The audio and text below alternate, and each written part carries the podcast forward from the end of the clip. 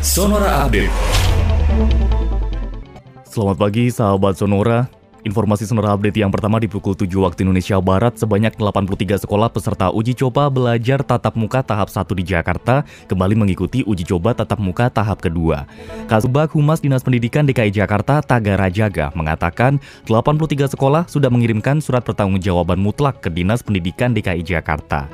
Sekolah tersebut diberikan izin untuk melanjutkan pembelajaran tatap muka sampai dengan tanggal 26 Juni 2021.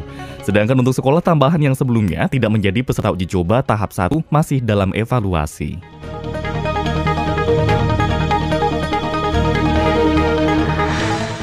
Dari Jawa Tengah, sahabat Sonora, Gubernur Jawa Tengah Ganjar Pranowo mengirimkan puluhan tenaga kesehatan untuk membantu penanganan lonjakan kasus COVID-19 di Kabupaten Kudus.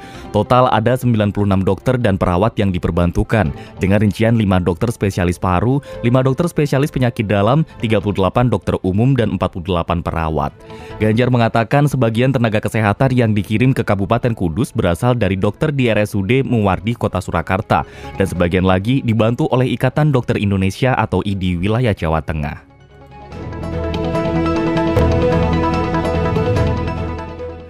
Beralih ke informasi lainnya sahabat Sonora, Facebook King menangguhkan mantan Presiden Amerika Serikat Donald Trump dari platformnya, setidaknya hingga Januari 2023.